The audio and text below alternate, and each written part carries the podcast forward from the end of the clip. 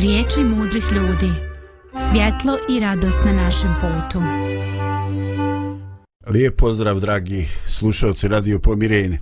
Drago mi što smo ponovo zajedno i što možemo da se družimo oko lijepih misli, oko misli mudrih i pametnih ljudi koji su ostavili neki pisani trag iza sebe. Eto, nešto razmišljamo ovih dana o čoveče. Nekad se trag ostavi u pisanom obliku, eventualno u nekim grandioznim spomenicima arhitekture, u nekim predivnim i velikim dijelima e, muzičkim ili bilo koje druge vrste. Danas smo opet u situaciji da svaki čovjek može da ostavlja iza sebe tragove i može, mnogo se povećao broj tih medija i mogućnosti da se e, ostavi trag iza sebe. Ostoje sam pitanje koliko će ta naša ostavština biti kvalitetna, realna, koliko će biti od koristi i upotrebljiva onima koji slijede i dolaze poslije nas. Eto, kako već rekao, riječi mudrih ljudi i danas bih kao i jučer e, osvrnuo se na istog autora, dakle na Artura Schopenhauera, E, njemačkog filozofa s kraja prošlog i početkom ovoga vijeka. E, čovjeka e, koji nam govori sa jedne značajne vremenske distance, ali kao što i rekao smo juče, zaista je nevjerovatno kolike su mnoge stvari koje je rekao ne samo upotrebljive, nego i maksimalno aktuelne danas. Dakle, čitam citat.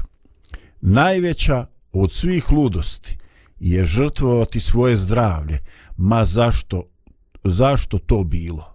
Zbog sticanja imovine, zbog napredovanja na poslu, zbog nauke, zbog slove, slave. A da o slasti i kratkotrajnim užicima i ne govorimo. Šta više, zdravlje valja sve podrediti. Eto, danas dakle govorimo o nečemu što je e, dio, što je faktor, našega efikasnog, uspješnog, manje ili više sretnog života.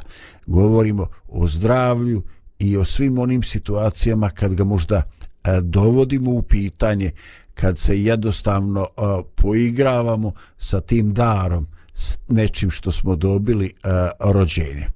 Dakle, mislim da je e, tema e, dovoljno inspirativna, a za sada e, neka bude toliko. Lidija, znači može li muzička pauza?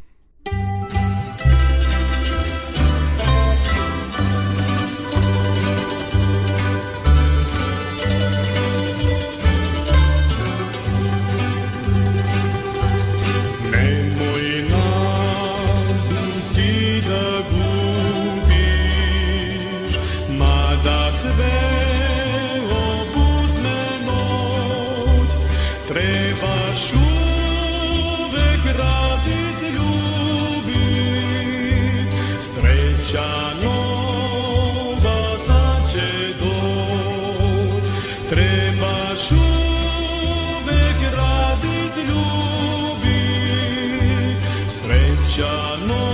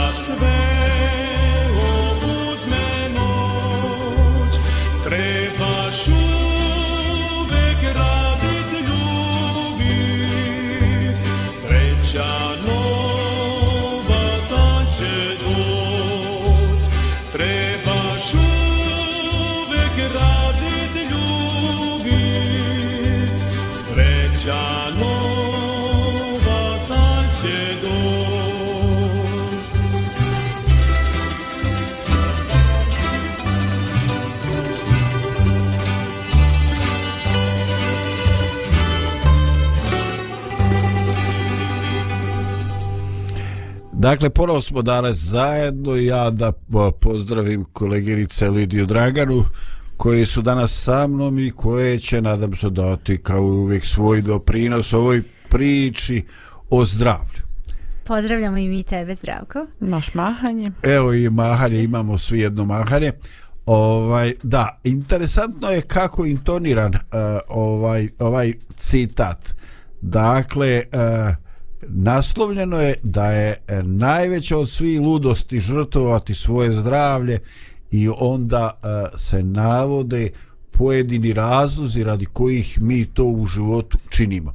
Dakle, imamo svoje ciljeve, imamo svoje ambicije, ali e, na putu do ostvarenja tih ambicija mi ponekad žrtvujemo više nego što ovaj žrtvujemo više nego što je to dobro nego što je to razumno i onda snosimo posljedice a možda u nekom krajnjem slučaju nekoj konsekvenci da ovaj da jednostavno narušimo svoje zdravlje i narušimo čak i svoje e, ciljeve. E, koje su kolegrice, koje su po vama najčešći razlozi da jednostavno da su ljudske ambicije e, tolike da su njihove želje da ovaj oni na neki način žrtvuju svoje zdravlje radi ostvarenje svojih ciljeva u kojem području s kojim razlogom se to po vama iz vašeg iskustva što vidite oko sebe najčešće dešava Um, moje mišljenje je da je to često nesvesno kod uh, ljudi dođe. Uh, zato što sve mora da se stigne, sve mora da se uradi, a nekako ja sam najmanje važna. Ja ću otkinuti od sna, otkinuću od dobrog i kvalitetnog obroka, otkinuću od e, odlaska, ne znam, u neku šetnju, jer imam važnog posla kog moram da obavim i sve ćemo nekako radije žrtvovati e, kada smo mi u pitanju u odnosu na neke e, druge stvari i okolnosti koje nas nekako pritišću. I čini nam se kao da je to najvažnije, pa onda vidimo vidimo kako nekako sad i neke firme i različite organizacije rade na tome da se unapredi zdravlje e, radnika, pa se onda oni trude različitim motivacionim tim ili finansijskim nekim dodacima što nije tako loše da pomognu svojim radnicima da shvate koliko je bitno da vode računa o zdravlju ali mislim da mi to eh, evo kad govorimo o Balkanu mislim da mi to vrlo nekako nesvesno radimo i činimo zašto? pa zato što sam razgovarala sa mnogim evo pogotovo ženama koje kažu a ja sam potrošila svoje zdravlje.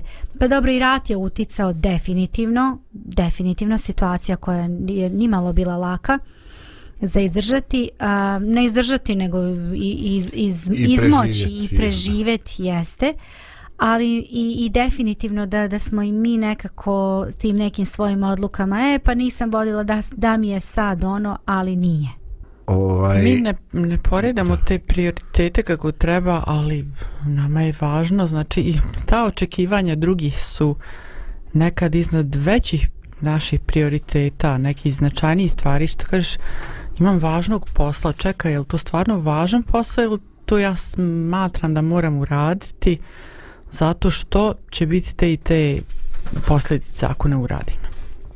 A s druge strane, čekaj, sačuvat ću zdravlje, izgubit ću nešto što je značajno s druge strane, što se tiče te druge osobe koja očekuje od mene da to uradim, ali opet imat ću nešto još, dobit ću nešto još, dobit ću neku svoju slobodu, dobit ću nešto, to ću izgraditi u sebi ili ne znam, ali naš, naš taj prostor balkanski jednostavno mm, ne znam, ne znam Jednak, e, navikli smo se da budemo, eto tako, neću reći ni žrtve, ni robovi, nego jednostavno, hajde, ubacit ću se u tu mašinu i odrađivat ću to i ne mogu ja ništa učiniti više, jer je takav sistem, jer je takva mašina, jer je to tako i život je takav, idemo dalje tako.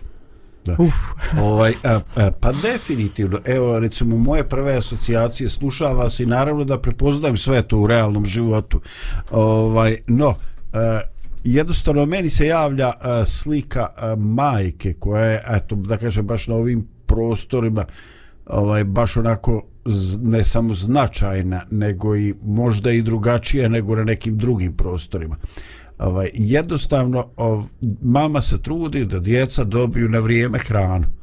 A ovaj da li ona stigla jesti? Ovaj ili je ubacila nešto u usta usput da ovaj da se preživi kad oni dođu da sve čeka da je postavljeno da je uh, fino to složeno na stolu da je ovaj ne samo ukusno na nepcu nego da je lijepo i za oči. Eto ona će potrošiti svoje vrijeme a možda nije e, stigla jesti. Ili ovaj e, mnoge te situacije e, kako se kod nas kaže de pojedi da se ne baci. Ovaj ja sam u svojoj kući ovaj e, jednostavno moralo je proći dosta vremena dok jednog dana nisam rekao je sa bolje da baciš nego da ja pojedem? Ja, ovaj ako sam ja korpa u, ovaj, u koju se ubacuje umjesto u korpu za smeće onda neću više imati stotinjak i nešto kila nego ću imati ono i 120 a probao sam to jako teško nosim. Ovaj e, i tako dakle neke situacije u koji mi stavljamo e, imamo neke prioritete imamo neka društvena očekivanja i jednostavno ovaj jednostavno je tako. I onda mi to ali čoveče mi to radimo radi djece. E sad mi ćemo radi djece ostaviti svoje dijete bez roditelja. Na kraju se to može desiti da evo, jer ćemo narušiti naše zdravlje jer ćemo dovesti sebe do tačke a, pucanja i opet ćemo oduzeti od te djece jer nećemo imati više ispravne reakcije. Bit ćemo živčani osjetit ćemo pritisak osjetit ćemo gorčinu. Možda ćemo pokušati e, možda ćemo početi da prigovaramo sve ono zašto smo se žrtvovali u životu a tek eto nemamo nikakvu kompenzaciju nemamo nikakvo priznanje nikad niko ti neće reći hvala a ti si bila gladna, žedna, preskakala obroke, e, trčala, e, trudila se da ugodiš, radi čega? I svi su to smatrali da je to nešto normalno. I nikome nije napalo na pamet da si ti mama ostala gladna toliko puta. I da si najljepše e, komade hrane koja si možda željela, ali on, sin ili čerka ili muž to vole. Dakle, mnoge te situacije u kojima ja ne, ne sugerišem ovaj egoizam, nego sugerišem da jednostavno čovjek eh, ne ide protiv sebe i da eh, dovede sebe u situaciju kad će biti eh, nefunkcionalan, kad će jednostavno postati bolestan ili živčan. Zaista, to jesu iskušenja. No, pre što idemo dalje, možda da još malo ovu našu roditeljsku ili, ili svaku drugu muku ovaj, pokrijemo se malo prijatne muzike. Može.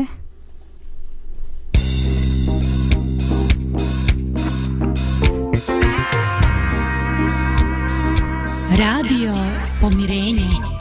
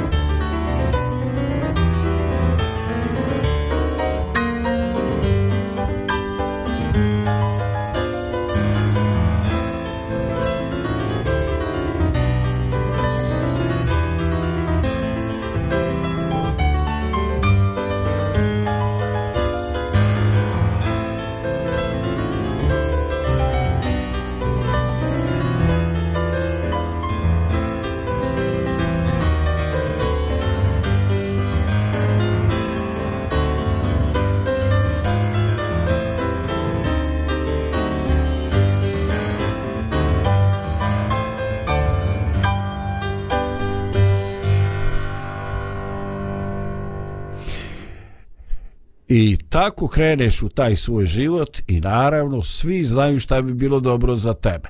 I onda kaže, u ovim godinama od prilike ranije se znalo ide se u školu, pa se tamo u 19. ide u vojsku ili ti armiju, pa se posle toga ti si zreo čovek, onda treba da se zaposliš, da se ženiš, pa do tih godina bi trebalo da imaš jedno, dvoje djece, onako minimum, ako je više nije ovaj nije iz gorega, a opet kako vi volite i kako se dogovorite.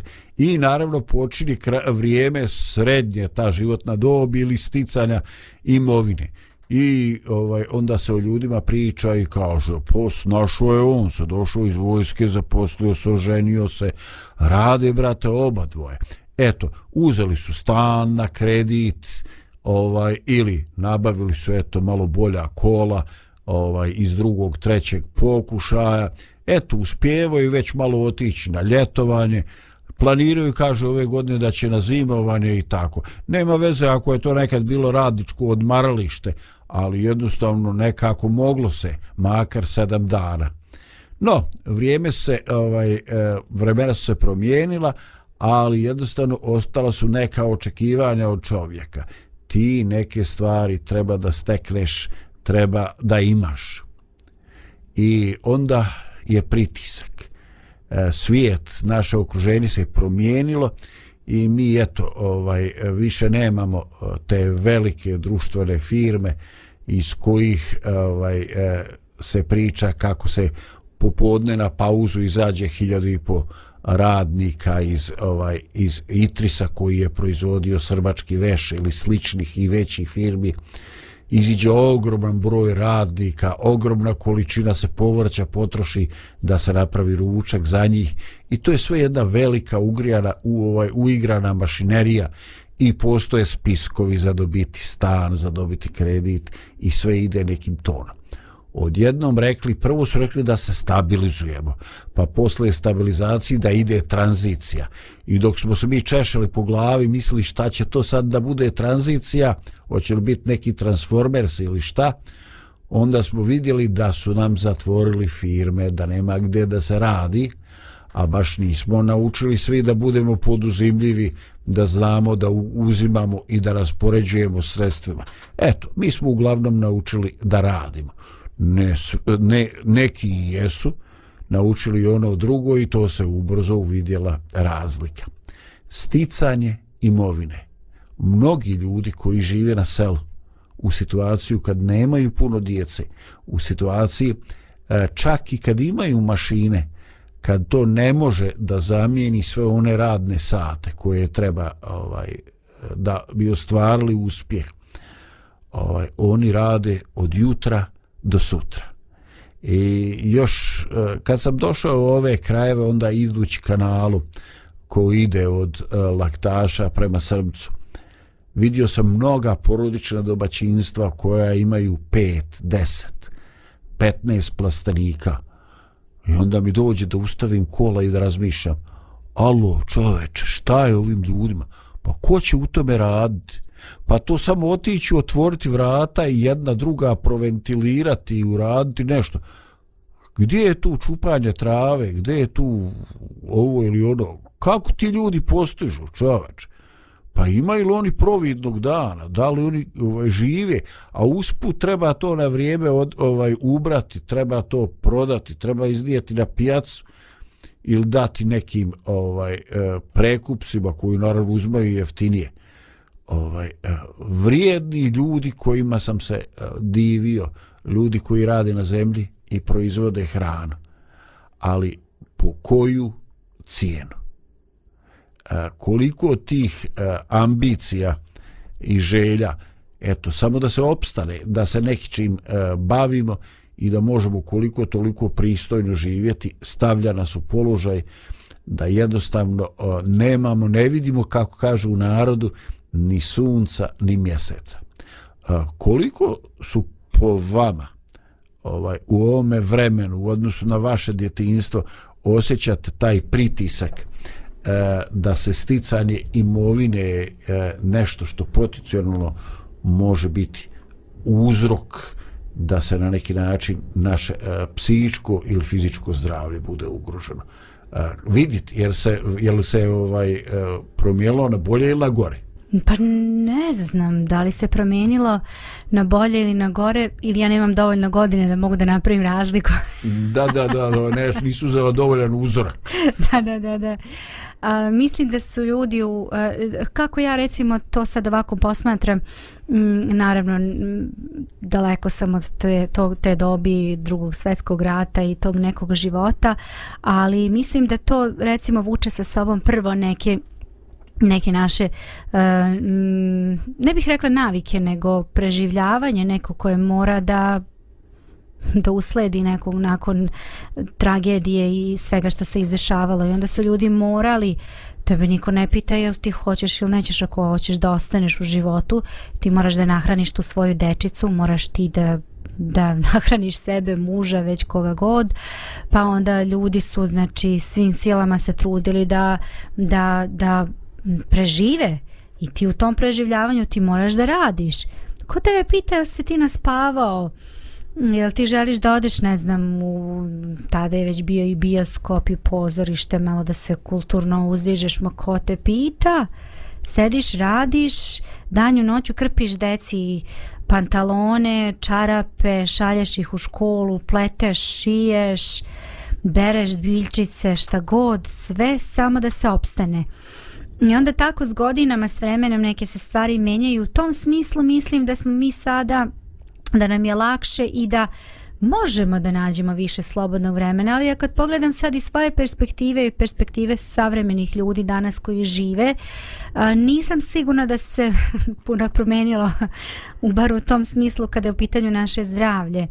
Ja po sebi gledam, znači e, najčešće ću žrtvovati, kažem, sebe u odnosu na posao koji me možda čeka i koji trebam da obavim. Ali je zanimljivo, evo samo ću još to da dodam, a, zanimljivo je da recimo, ja sam se malo bavila a, time držeći neka predavanja vezana za ishranu i a, zanimljivo je da recimo u zemljama zapadne Evrope mnoge veće firme danas jako vode računa o tome kakve radnike zapošljavaju. Pa recimo gojazne radnike izbegavaju da zaposle pa recimo morate tačno onaj da imate onaj indeks BMI, tačno koliki vam je i tako dalje. I, je zato što oni smatraju da ljudi koji imaju više kilograma znači da su umorniji, da ne mogu toliko da rade, da, da moraju da vode račun. Malo to onako grubo zvuči, malo to onako šta je sad ovo, mislim... Ma ne kaže hormoni, nije ne, da, da, da. Ne, Jeste. hormoni Ali oni kažu nama, nama trebaju radnici koji su sposobni, koji mogu, koji vode računa o svom zdravlju. Čak mnogi i plaćaju svojim radnicima teretane, plaćaju im, imaju čak i recimo neke firme imaju svoje kuhinje gdje vode računa o tome šta će njihovi radnici da jedu, neće jesti bilo šta, nego kvalitetnu, finu, dobru hranu. I to je jednostavno ono posticaj da se da firma dobro napreduje. Ovaj e, ne znam, a, ti spominješ i često su u našim razgovorima su upravo te ovaj teme i primjeri iz zapadne Evrope i naši mnogi ljudi tamo rade i donose neke vijeste i tako ali ovaj evo biću iskren u zadnje vrijeme čitajući ovaj i, jednostavno Azija se pretvara u centar ekonomske moći i od tamo dolaze neki ovako pozitivni i negativni primjeri. Ovaj eh, ajde da kažem eh, ono što je mene iznenadlo ovaj eh, eto za vrijeme radnog vremena kaže pohvalno i poeni su ovaj ako e, ako zaposlenik koji radi u uredima, kancelarijama, ako on obori stolicu i u tom predviđenom vremenu ako otkunja zaspe po mm. sata, kaže on će jednostavno da. odmoriti se u poboljšat će mu se produktivnost ovaj i, i ovaj e, kaže dobro je, dobro je, kamera ga je zabilježila trudi se, znači ne oda, ne trči okolo, nego je ovaj otkunjao pola sata taman dovoljno da se ne uspava previše nego da ovaj može da nastavi dalje da radi. Eto ovi ovaj e, azijski zmajevi, eto ovo, e, ovaj to mi se ovako dopada povremeno, pogotovo ako su ove vrućine i to ne bi bilo loše malo i ospavati u sred radnog vremena, makar jedno 20 minuta. Pa da, ali treba uzeti u obzir da oni uzimaju sve celokupno, znači njegovu produktivnost koliko on stvarno radi, znači ako je to neka lenština koja spava na poslu, to je druga priča. Da. Ali oni gledaju, znači da on daje, doprinosi, pruža. Da. Ma nadzor, Lidija, full pa nadzor, ovaj, naravno. sve. Ali ima i oni negativni primjera sa istoka, ovaj, čuo sam za neku, za neku firmu, ovaj u Srbiji koja je došla zaposlila ljude i ovaj nema pauze. Nema pauze čak ni za toalet. I kad su neki kao kod nas predstavnici sindikata ošli u management firme da pitaju šta kako mislim ono ljudi ne mogu pa kaže nek stave pelene. Znači odrasli ljudi ovaj odrasli ljudi koji nemaju nikakve zdravstvene probleme kaže ne možeš napustiti traku ne možeš da se radi tebe stoji ovaj e, stavi stavi ovaj pelem i onda bože u kakvom svijetu u kakvom svijetu živimo ovi ti daju da spavaš ovi ti tjeraju da obučeš pelene i tako ima mm. još neki primjera ovaj sad sam se sjetila ovaj, da? moram spomenuti Znači to, to u Indoneziji tako na, u tom istočnom dijelu zemlje ovaj znači dosta se spominje i to zloupotreba djece u radu znači mm. proizvodnja raznih uh, stvari da bi se na zapadu uh, ne samo znači ne, kad kažem zapad to mislim na našu Evropu da bi se recimo ne znam prodala majica za 5 eura, ne mm. znam, a oni su to proizvodili za, ne znam, manje od, od ne znam, nije pola eura ili još manje. Dnevnica im je bila, mm. ne znam, pola eura. Ili, ne znam, i takve stvari. Znači, ili, ili prodaju ne samo ova, ova naša uh, uh, jeftina odjeća, nego i skupa odjeća. Ima firmi koje zarađuju mnogo, mnogo na tome time što će nekome, eto, jedva obezbijeti da ima možda jedan obrok u danu ko proizvodi tu odjeću. Strašno. Tako da, da. Ono, ima, ima raznih primjera. Ima ekstrema, da, da. S jedne da. strane nekih koji baš dozvoljavaju rade na tome da radnici ovaj, se mogu jel tako osloboditi i da o, tereta par tog nekog zdravstvenog kako bi bili produktivni dok s druge strane ima i te eksploatacije što bi rekli da. da ovo što Dragana kaže posebno ovaj e, kad se radi u ubiranju tih nekih uh, plodova, o, o biljke kakaoca, znači kakao za čokolade. Pa indijski orah, recimo, tako. da. Sve te stvari koje jednostavno se rade rukama, koje se mm. ne mogu zamijeniti robotima ili mašinama. Znači, treba mnoštvo ljudi, nažalost, nek put i mnoštvo, mnoštvo ovaj, djece i onda na kraju balade dobijete neki fantastično upakovan proizvod ovaj neke velike svjetske korporacije a ne znaš da je u njegovoj uh, izradi učestvovale su ovaj baš onako napaćene nevine dječje e, duše radi nekog našeg zadovoljstva koji smo mi spremni eto ovaj eh, dobro dobro platiti. Mislim, e, svijet je strašan i od uvijek je tako bilo, ovaj, Lidija, ovaj, da kažem da ponovim onu tvoju izjavu. Jednostavno postoje životne situacije u kojima se e, nemaš jednostavno izbora. E, ti ovaj od onoga biraš od onoga što ti je e, ponuđeno. Radiš na onome radnom mjestu koje imaš ovaj e, ili mijenjaš ovaj mjesto da se preseliš ako je to moguće ako je osigurati ako ima ko da te odvede da ti isposluje neku vizu i tako. A opet rezultat toga je da sve više radno sposobnog stanovništva odlazi sa ovih prostora ovaj Balkana.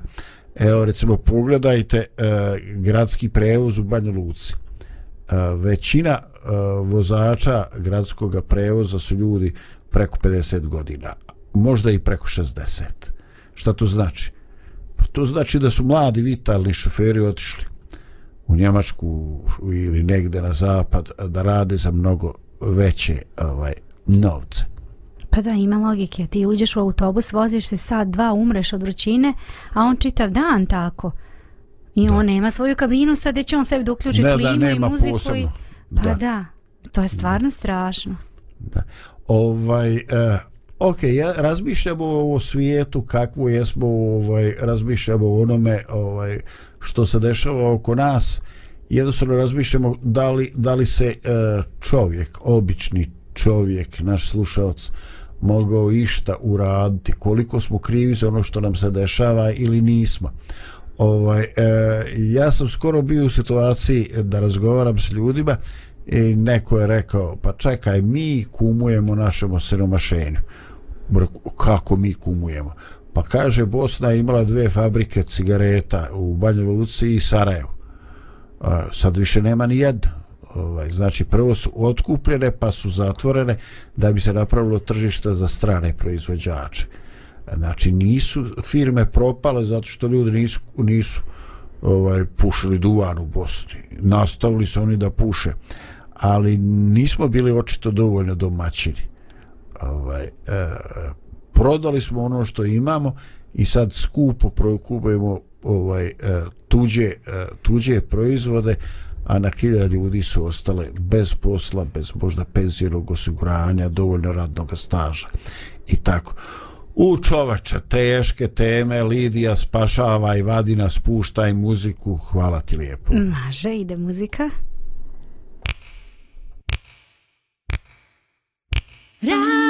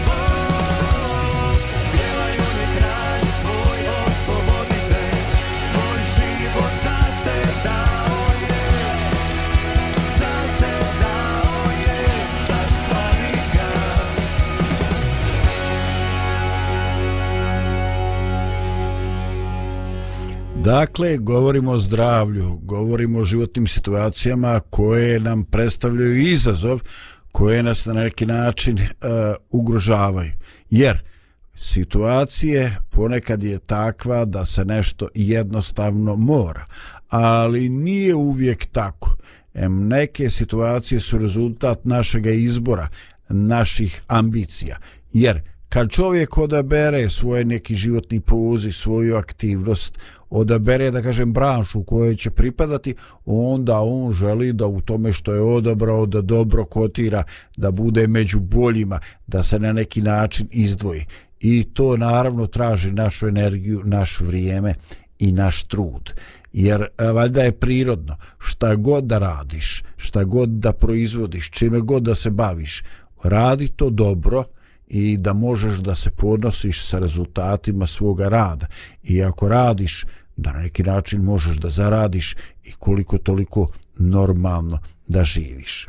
E, onda dolaze na to još neke stvari koje zovemo ambicijama. Znači, e, koliko nam stvarno treba. E, ovaj, e, interesantno je ovaj, sjećate se kako su ovaj kamionđije?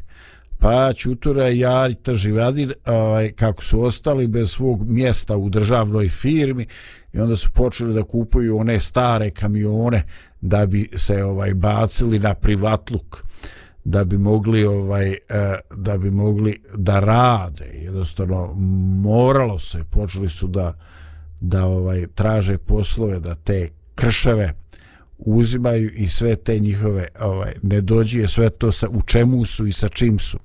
Morali da žive i šta su sve ovaj morali eh, da prežive.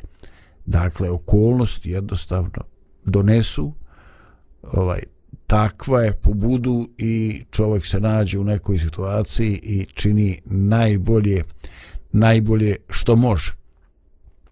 E sad eh, postoji i ono što se e, zovu nezajažljive ambicije. Dakle, kamionđije su željeli neki stari kamion koji se raspada, a postoje ljudi koji imaju jedan, tri, pet, deset, dvadeset kamiona, 50 kamiona i ovaj e, koliko koliko čovjeku stvarno treba. Ima li kraja e, želje čovjeku da raste, da uvećava svoj biznis, da mu se povećaju ambicije. Ovaj, e, šta vam se čini? Zar vam se ne čini da što više je to veća glad? Mm, Napraviti jedan zdrav balans, čini mi se da je možda najteže u čitavoj priči mi pokušavamo nekako da, da odgonetnemo možda i kako i da čisto diskutujemo na ovu temu. Mislim da je to zaista najteži posao. Skoro sam pogledala jedan video, uh, mislim da je bio na, na TikToku, gde je jedan momak govorio, e, sad ću najkraći crtama, on je to onako jako fino humoristički izneo, ali rekao je kako mi um, ne možemo ovdje da živimo, opstanemo, onda odemo tamo vani, onda tamo radimo, silno kako bismo poslali novac ovde da možemo neku kuću da imamo, pa onda dođemo, posećujemo ovde, dođemo, vratimo se ovde, pa onda ovde zidamo kuću, jer naravno radnici ne mogu sve da odrade bez nas. I onda se opet vratimo tamo, nastavimo u ne znam tamo koliko malo kvadrata da živimo, pa onda rodimo decu i šta ja znam i onda sa decom bismo došli tu i onda dođe penzija, da skratim priču. Mm -hmm. Znači ti obrni, okreni, na kraju se svedeš na to da čitav život radiš i odeš da nešto dođeš, dobi, da dobiješ, da zaradiš i na kraju se namučiš samo, okreneš si za sebe, ništa od mog života, ništa od te neke radosti i želje za nekim mirom i za nekim napretkom. Pa dobro, neki će reći možda ja neću moći da, da imam, ali da će moja deca imati neku dobit od svega toga. Ali je pitanje... pitanje I to je pitanje. Ali... I, i, to, I to je pitanje, da. ali s druge strane čekaj pa gde sam ja u toj čitavoj priči. Da li mi stvarno treba toliko i koliko je to toliko i koliko, koliko smo mi ljudi nekako, ja po sebi govorim, nezadovoljni, stalno nam nešto treba i nikad dosta i uvek mislimo da neko drugi to bolje radi, ali moram i ja to tako i e, stalno, ali na kraju krajeva zašto se upoređujemo sa drugim ljudima?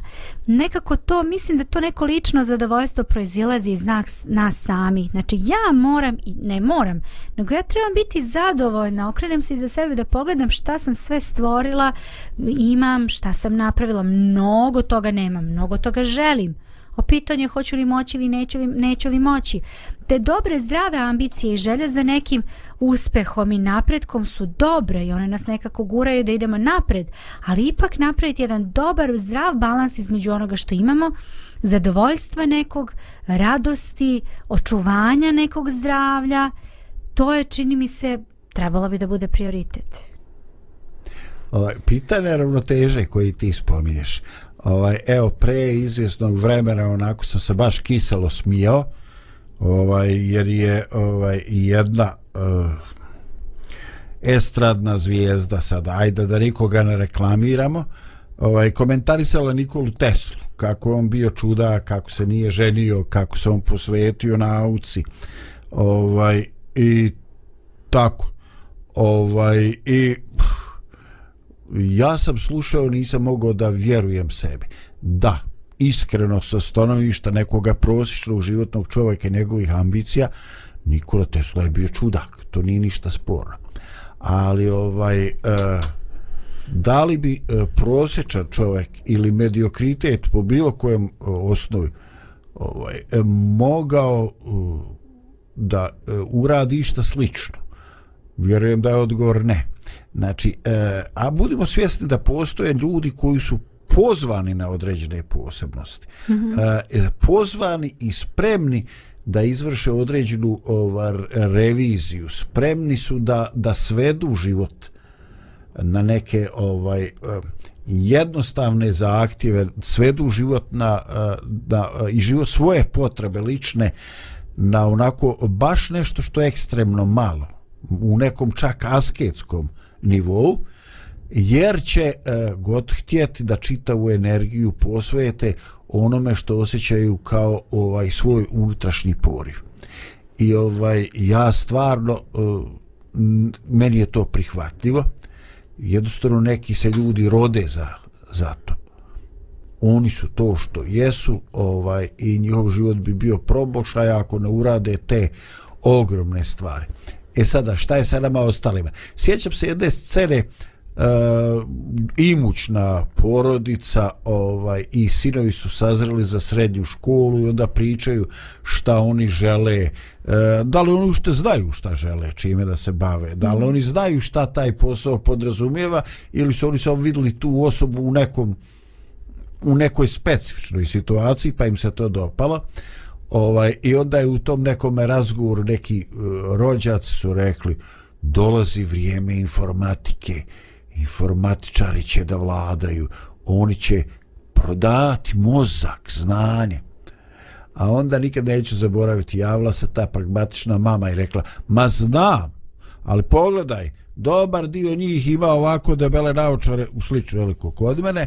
Imaju debele naočare imaju savijena e, leđa i ovaj uh, jednostavno ovaj ne želim da sutradan svatim da mi je sin postao programer prije što je poljubio curu. Mislim, ono, jednostavno, neki uravnoteženi razvoj e, života i nešto što se prirodni neki slijed se neki put žrtvuje radi nekih, radi nekih ambicija. Ista je stvar s vrhunskim sportistima mi smo narod koji baš ono voli da slavi uspjehe ovaj e, uspjeh svojih sportaša. Čini mi se da ni ostali nisu bolji. Mislim, da, da, sam vidio to. kako Englezi navijaju, kada rekao, nemoj, molim me pričati kako su oni hladni i proračunati, samo što se zubima uši ne grizu drugima navijači ovaj, eh, engleski timova. Ali, jednostavno, taj, eh, taj vrhunski sport podrazumeva ovaj, odricanje E, od nekoga normalnog uravnoteženog života i vjerujte kad sam, razmiš, kad sam razgovarao sa ljudima koji su na difu koji su ovaj informisani oni govore e, da često ti ljudi imaju e, imaju baš posljedice i da često i da dožive ovaj duboku starost, pogotovo atletičari. Jer oni toliko izraubuju, toliko opterete svoje organizme, toliko visoke, želeći da pređu tu svoju granicu, da idu korak dalje, ovaj, da e, mnogi od njih žive kratko, jer se, jer se potroše.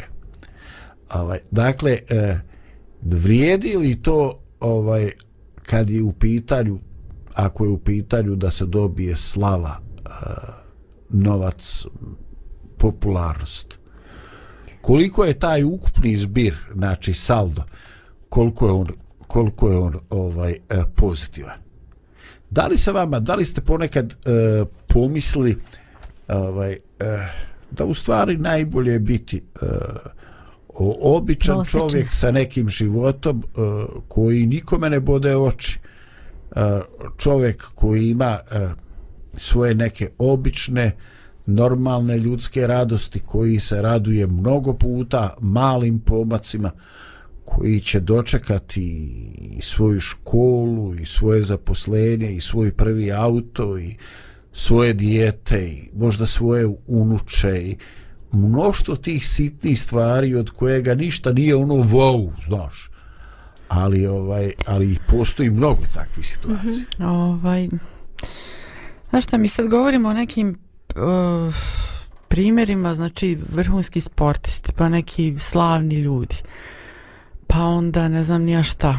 Ali u pitanju je znači život ovog našeg čovjeka koji može da bude uspješan, mm -hmm. što da ne, ne mora da bude neki uvijek prosječan i ne moraju se desiti te situacije, ne mora kompletan život da bude prosječan, desi se neke situacije kad ćeš malo da onako iskočiš na neki način u pozitivnom smislu. U nekoj oblasti mislim. Ali desi se i, i te situacije kada ćeš trebat, možda neće sav život, kao što si rekao, da budeš asketa, da budeš pozvan na to, da da ono budeš sav kost i koža i ne znam šta, nego jednostavno desi se situacije u jednom životu prosječnog čovjeka da se žrtvuješ za nekoga.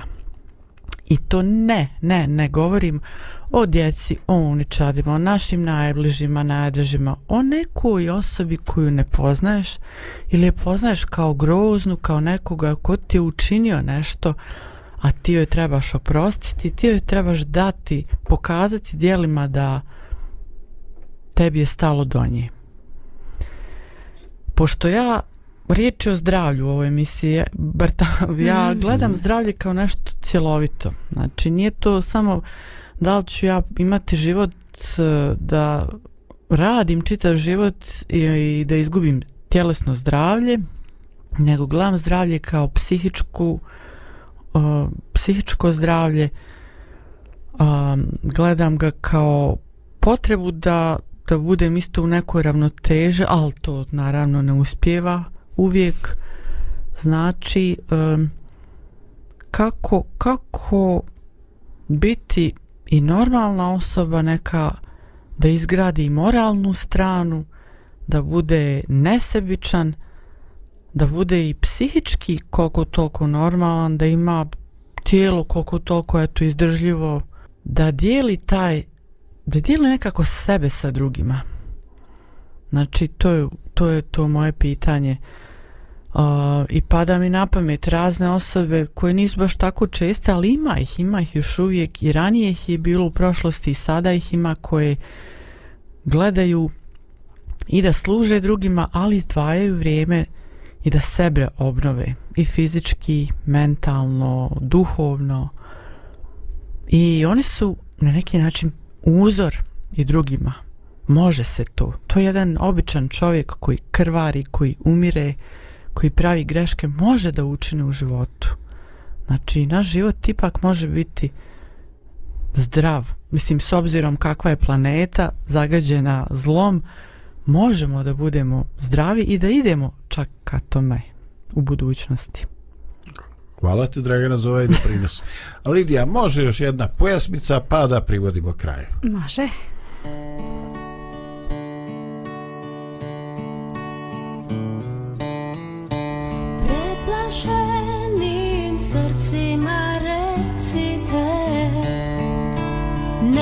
Bojte se. Vaš je Bog snažan svoja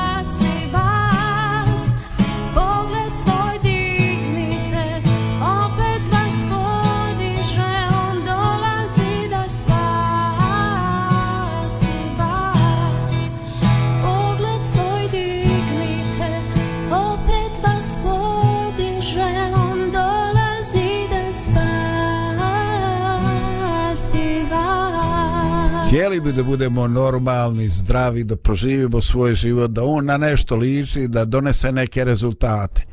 Ponekad je problem što su nam ambicije veće od uslova, od realnih sposobnosti i to nas sagorijeva.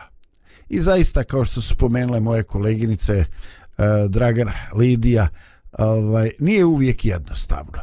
Nekada to košta i nekada zaista posljedice na zdravlje su uh, ozbiljne. I da to nije neki problem koji se tiče samo našega vremena, koji je e, na neki način odnosi se na ove generacije i na ovaj vijek. E, dokaz pronalazimo u poslanici uh, Jovana apostola treća Jovanova poslanica u kom se on obraća jednom od crkvenih starješina i spominje jednu kombinaciju riječi koja dotiče baš ovo i kaže ljubazni. Molim se Bogu da ti u svemu bude dobro i da budeš zdrav, kao što je tvojoj duši dobro. Dakle, nije dovoljno samo da nam je u duši dobro. Nije dovoljno samo da smo zdravi. Trebalo bi nekako da se spoji i jedno i drugo da bi naš život bio u ukupnom skoru zbiru pozitivan, da bi imao smisla i da bi bio lijep. Eto, to je ono sa čime vas pozdravljamo iz studija Radio Pomirenja i to je ono što želimo. Vidimo se i slušamo se. Thank you.